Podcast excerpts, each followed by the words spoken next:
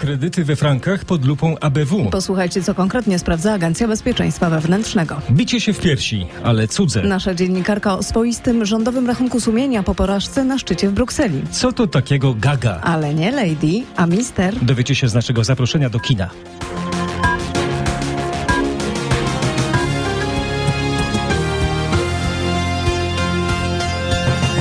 Agencja Bezpieczeństwa Wewnętrznego sprawdza dlaczego i na jakich warunkach banki udzielały kredytów we frankach szwajcarskich. ABW zbiera w bankach wzory umów i dokumenty bankowe. Nasz dziennikarz Krzysztof Brenda zna szczegóły. Krzysztofie, co dokładnie sprawdzają agenci?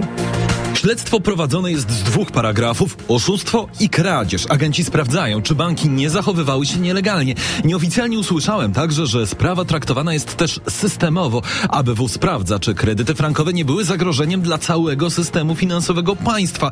Kto do tego doprowadził? Dlaczego? No i czy ktoś nie powinien był wcześniej zacząć bić na alarm? Do ABW zgłaszają się także sami frankowicze, już ponad 200 osób, są przesłuchiwani i dostarczają dowodów na ewentualne nieprawidłowości.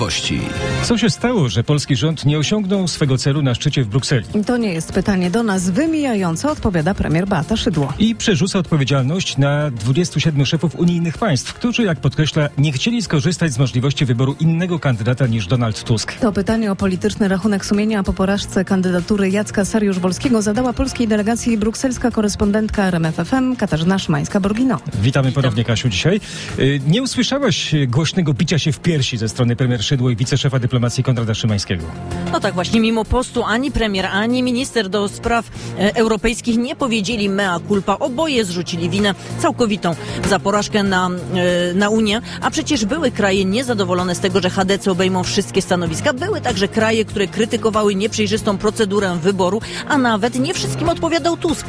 Zaczęto jednak działać w ostatniej chwili. Wysunięto kandydaturę Jacka Sariusz-Wolskiego, która od początku nie miała e, żadnych szans, tylko ośmieszono całą operację, a Tuska atakowano w związku ze sprawami krajowymi, co nikogo nie mogło przekonać. Wydaje mi się, że za bardzo koncentrowano się na krytyce Tuska, a za mało podkreślano sam fakt bezprecedensowej decyzji o wyborze kogoś wbrew stanowisku kraju, z którego pochodzi. Za dużo polityki, zwłaszcza krajowej, za mało mocnych argumentów. Z Brukseli Katarzyna Szymańska-Borginą.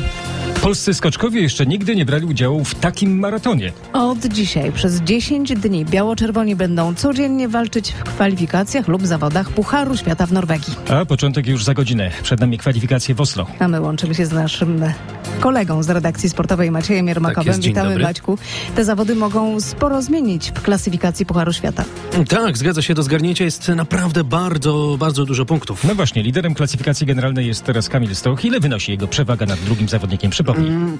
Nad Stefanem Kraftem Stoch ma teraz 60 punktów przewagi, no i to może trochę niepokoić polskich kibiców, bo Austriak jest teraz w fenomenalnej formie i obrona tej pierwszej pozycji no nie będzie łatwa. Szykuje nam się piękny pojedynek. Dużo większą przewagę nasza reprezentacja ma w klasyfikacji drużynowej. W niej nad drugimi Austriakami Polacy mają ponad 400 punktów zapasu.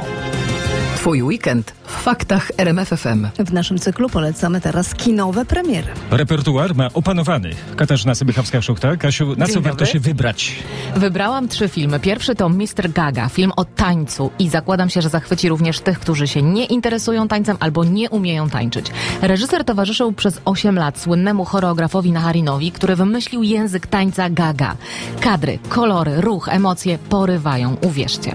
Wyobrażacie sobie dorastanie bez telewizji i smartfona, za to bardzo blisko natury? Tak żyje sześcioro rodzeństwa i ich tata, którego gra w filmie Kapitan Fantastic, nominowany za tę rolę Viggo Mortensen. Bardzo mądre kino. I jest jeszcze Kong, Wyspa Czaszki, o samych początkach legendy King Konga. O tym filmie będzie za pół godziny. Zapraszam na Fakty Kulturalne RMFFM o 16.30. No, a my polecamy też nasze kolejne popołudniowe doniesienia. I to był pierwszy taki krzyżowy przeszczep nerek w Polsce. Wszystko przebiegło bezproblemowo. O 17 opowiemy o skomplikowanych operacjach w Warszawie i w Szczecinie. Radio, muzyka, fakty. RMFFM.